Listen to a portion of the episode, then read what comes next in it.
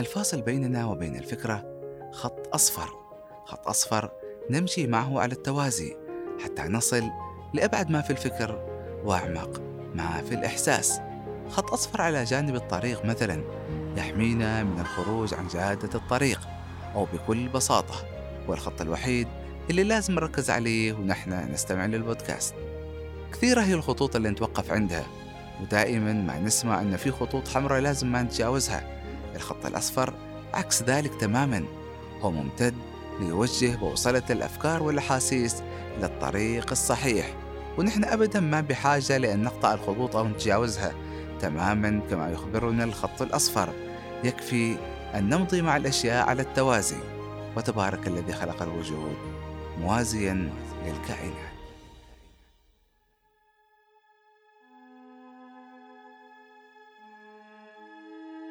أهلا وسهلا بكم بعد طول غياب. نعود إليكم هذه المرة من استوديو همزة. استوديو همزة همزة بين الصوت والنص. منذ مدة ليست بالقصيرة سقط في رأسي تساؤل عن العلاقة بين الواقع والشعور. ربما يكون السؤال قد سقط من غيمة الأسرار تلك التي كتبت عنها قبل سنوات أنها تبخرت من رأسي. ربما تكون سافرت فاختلطت بغيوم أخرى مع أسرار أناس آخرين تجمعت وتكثفت مع غيرها. صارت كتلة واحدة لا يعرف منها لمن هذا الجزء ولمن ذاك. كالطفل لا تدري هل يشبه أباه أم أمه. وهنا أتذكر بيت شعر للشاعر محمد المعشري يقول فيه أنبش النص مثل طفل يتيم ينبش القبر كي يرى أبويه. معرضا مقبلا محبا حقودا يحضن النهر حائرا ضفتيه والشعور الذي يفسر قلبي لم أزل ضائعا على شفتيه. عودة إلى غيمة الأسرار تلك التي تغيرت ملامحها حين اختلطت بغيوم أخرى حتى إذا حلقت فوق رأسي سقط السؤال مباشرة أو ربما سقط في ظل شجرة من فوقه أضواء الشارع وكنت في لحظتها أمشي ككل مشي عادي في الحياة ثم إذا اصطدمت بفكرة السؤال اقشعر جسدي فرحت أبحث عن إجابته لأشهر. والسؤال في الحقيقة ليس بالسهولة التي نتصور إذ لا يكتفي بإجابة محددة بل في كل مرة يبحث عن ما هو أعمق من الإجابة السابقة. وددت لو سمت الأوقات أنفسها حجارة لتصير اللحظة الأبدة أخاف أن تبلغ الأجراس حكمتها وتستحيل إلى صوت بغير صدى وأن يطالبني الضوء البعيد بما أخشاه.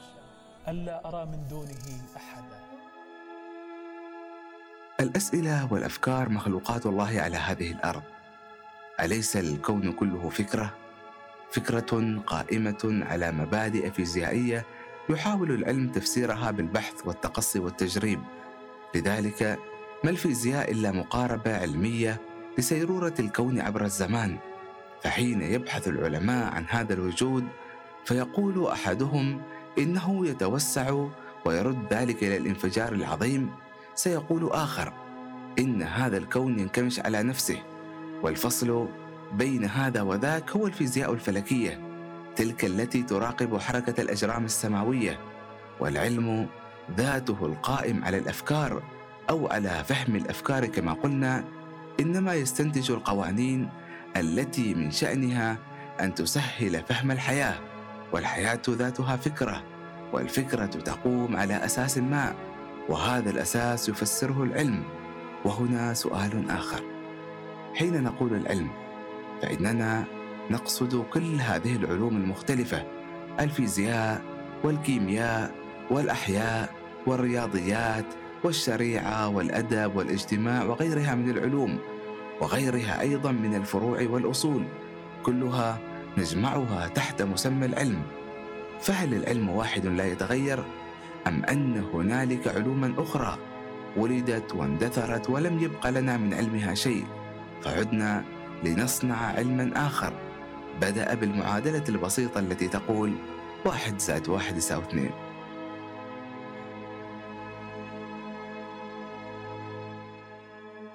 قادتني الأفكار ذات يوم إلى التفكير في علم آخر. علم لا نعرف أساسياته. علم امتلكه الفراعنة مثلا فكان أساسهم في بناء الأهرامات التي يسميها عالمنا المعاصر بالعجائب. فمن يدري لربما كانت العجائب في زمانهم قمة العلم الذي توصلوا له. من يدري.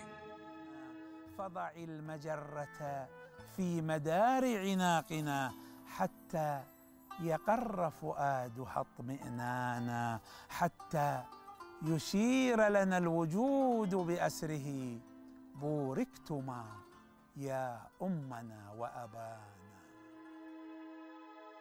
ماذا لو أن كل هذه الحياة مجرد شعور؟ ماذا لو أن كل ما يحيط بنا ليس ثابتا أبدا؟ ماذا لو أنه يتغير بتغير شعورنا تجاهه؟ أليس ذلك دافعا لمراجعة تقييم مشاعرنا وشعورنا بالأشياء؟ وكمثال بسيط في مكان ما تقابل شخصا لا تعرفه للمرة الأولى.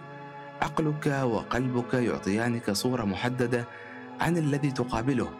في ثوان إن لم تكن أجزاء من الثانية عقلك الباطن وحدسك يعطيانك انطباعا عنه. تمضي إليه فتقابله بما تكون في داخلك عنه. حتى قبل أي حديث أو تعامل أو ابتسامة أو تكشيرة وجه. وسيكون من الجيد لو أنك تمتلك بينك وبين نفسك قواعد مثل لازم ما أحكم على الناس من شكلهم أو يا ناس رسمنا عنهم صورة وبعدين تغيرت بدون أن ينفي هذا قوة الحدس وتراكم الخبرات والقدرة على قراءة الوجوه. ما أريده من هذا المثال هو البحث عن كيف يمكن أن تتغير الصورة التي ترسمها من خبراتك عن شخص ما بمجرد أن يبتسم في وجهك أو أن يسدي لك خدمة لم تتوقعها منه.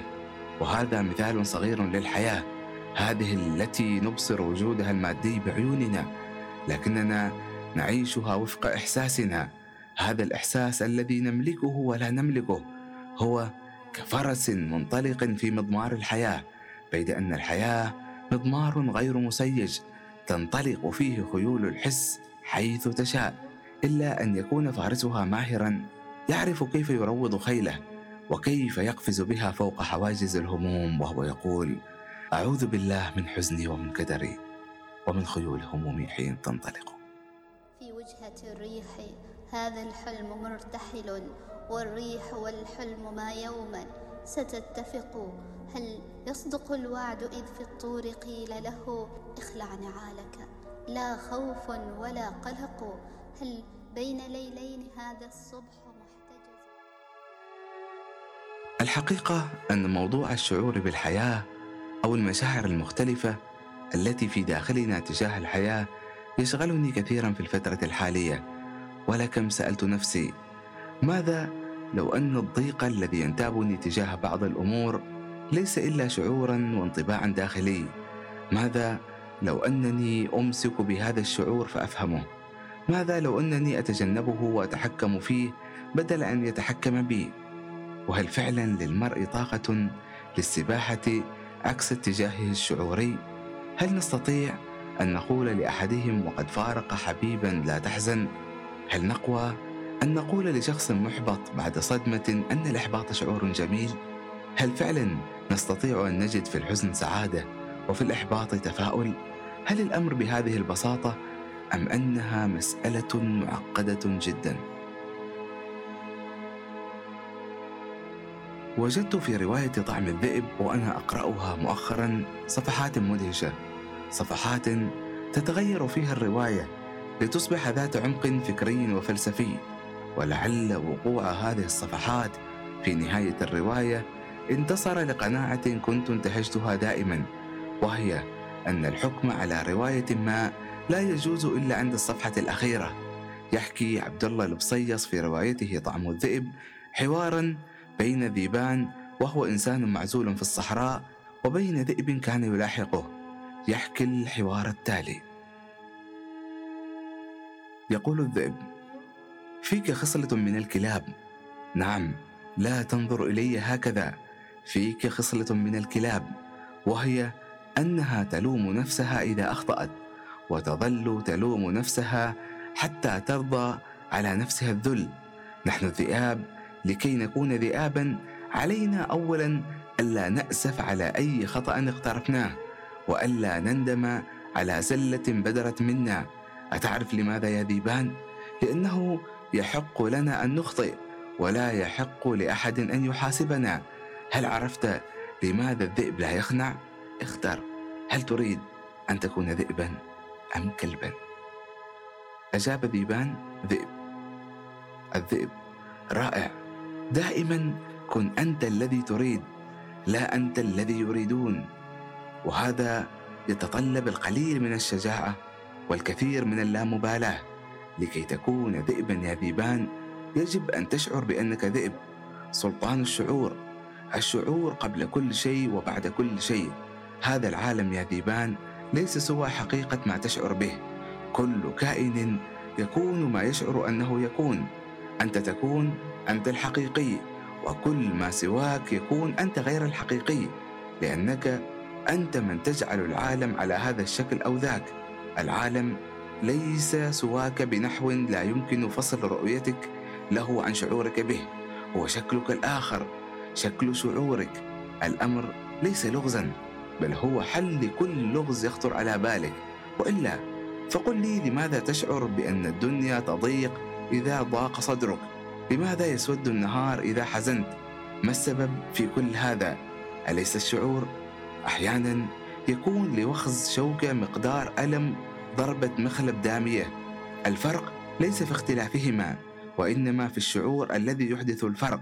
شعورك هو الذي يجعل من الشوكة مخلبا ومن المخلب شوكة هو الذي يستطيع جعلك ذئبا أو انسانا أو شجرة. لا أقصد أن يكون شكلك شكل شجرة بل معنى الشجرة. والمعنى هو الهدف من وراء خلق الشجرة على هذا الشكل. هل فهمت الآن؟ هذه أمثلة بسيطة. قس عليها انت الأشياء ليست كما تراها بل كما تشعر بها لأنها لو كانت كما نراها لكانت النار أجمل مكان يمكن أن يقضي المخلوق به الحياة متوهجة ودافئة.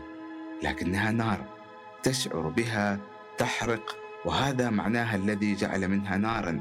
وهذا الحرق هو الذي يجعل من بعض الأماكن معنى مثل معنى النار.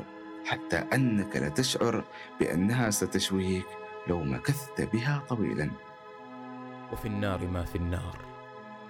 كم أنا مصطل بها. واصطلائي بعدي الدهر خالد ويكفي عبوري أعين الخلق. كي أرى بأني مذ أبصرت عينيك. واجد. هذا النص ليس مراجعة لرواية طعم الذئب. لكنني وأنا أنهيها قبل يومين وقفت على حقيقة مرعبة. حقيقة تطرحها مخيلة الراوي على لسان الذئب وللراوي في خياله جنون جنون لا يفهمه إلا القارئ المسرف في القراءات إذ كيف يحق للكاتب أن ينطق الأشياء كما يريدها. تماما كما فعل أسنان أنطون في رواية فهرس فجعل الجدران والنخيل والجنين وغيرها تتحدث وتحكي الحياة من زاويتها المتاحة. وعلى ذكر الزاويه المتاحة فهذه قشعريرة أخرى. ماذا لو أننا نشاهد هذا العالم من زاوية واحدة لا تتبدل؟ ومع أننا لا نملك تغيير زاوية النظر لدينا لأن المسافة بين عيني البشر محدودة بعكس الأسماك التي تبصر الحياة بزاوية 180 درجة. لذلك تسمى عدسات التصوير الفوتوغرافية بالفيش آي أو عين السمكة وهذا جانب واحد فقط. لكن ماذا عن زوايا البصر والبصيرة؟ ومرة أخرى نعود للسؤال ماذا لو أننا نكتشف بعد عمر أن زاوية أخرى يمكن من خلالها أن نطل على العالم فنشاهده بشكله المختلف؟ والحديث عن الشعور في الرواية عميق ومدهش حتى أن الكاتب يقول على لسان الذئب أن الموت والحياة شعور فأنت حي ما دمت تشعر أنك حي وحين تشعر بأنك ميت؟ فإنك ميت حقا. هل وقعت في خدعة أن تدخل مكانا ما فتنظر من النوافذ إلى الخارج فتجد الظل في كل مكان؟ تعتقد للحظات أن الجو غائم لكنك بعد ذلك تكتشف أن زجاج النافذة معتم بشكل أكثر من المعتاد وأن الشمس ساطعة. وخذ مثالا آخر. لو جربت ارتداء نظارات شمسية في محل النظارات كل واحدة منها ستعطيك رؤية للعالم المحيط بدرجة لونية مختلفة. بعضها يميل للإصفرار وبعضها يميل للأزرق وبينهما درجات لونية كثيرة. يعرفها المصورون والمصممون وأبعد من ذلك لكل لون انطباع محدد عن الزمان والمكان. لذلك مثلا توحي لنا صورة مصفرة أو رسالة مصفرة الورق بالقدم وهذا الانطباع الذي تتركه الأشياء في داخلنا ينعكس من دواخلنا على صورة إحساس بالأشياء من حولنا. ماذا؟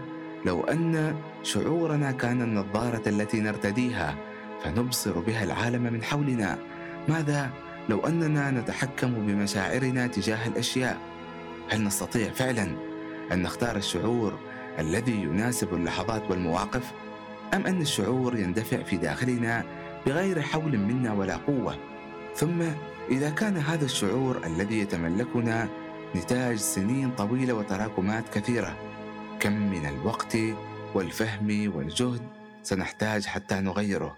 ففي الحياة كم من أشخاص نقابلهم بكل ما فيهم فنعرف كيف أنهم يحملون شعورا قديما راسخا من صدمة أو من موقف ما فلا يستطيعون له هدما.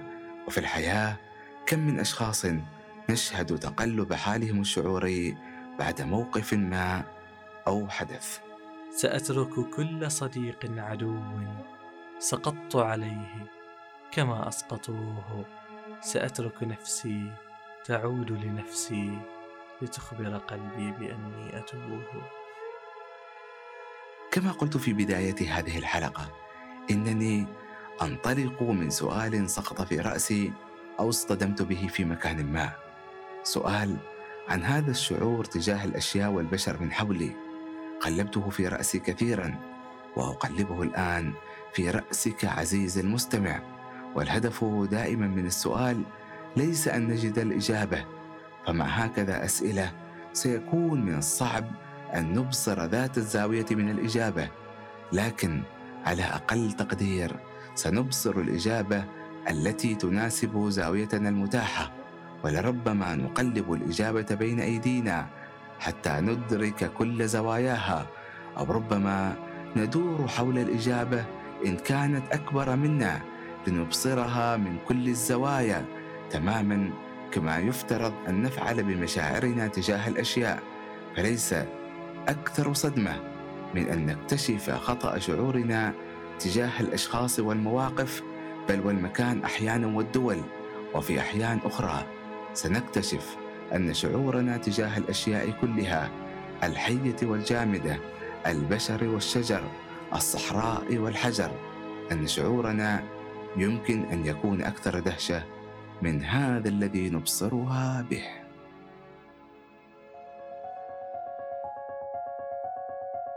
كانت هذه الحلقة العشرية من بودكاست خط أصفر. قدمناها لكم من استوديو همزة. كان معكم في الإخراج هيثم الحضرمي وفي إدارة البودكاست الشيماء الصبيحي وفي التسويق ريان الغافري وفي المراجعة اللغوية آمن الكندي.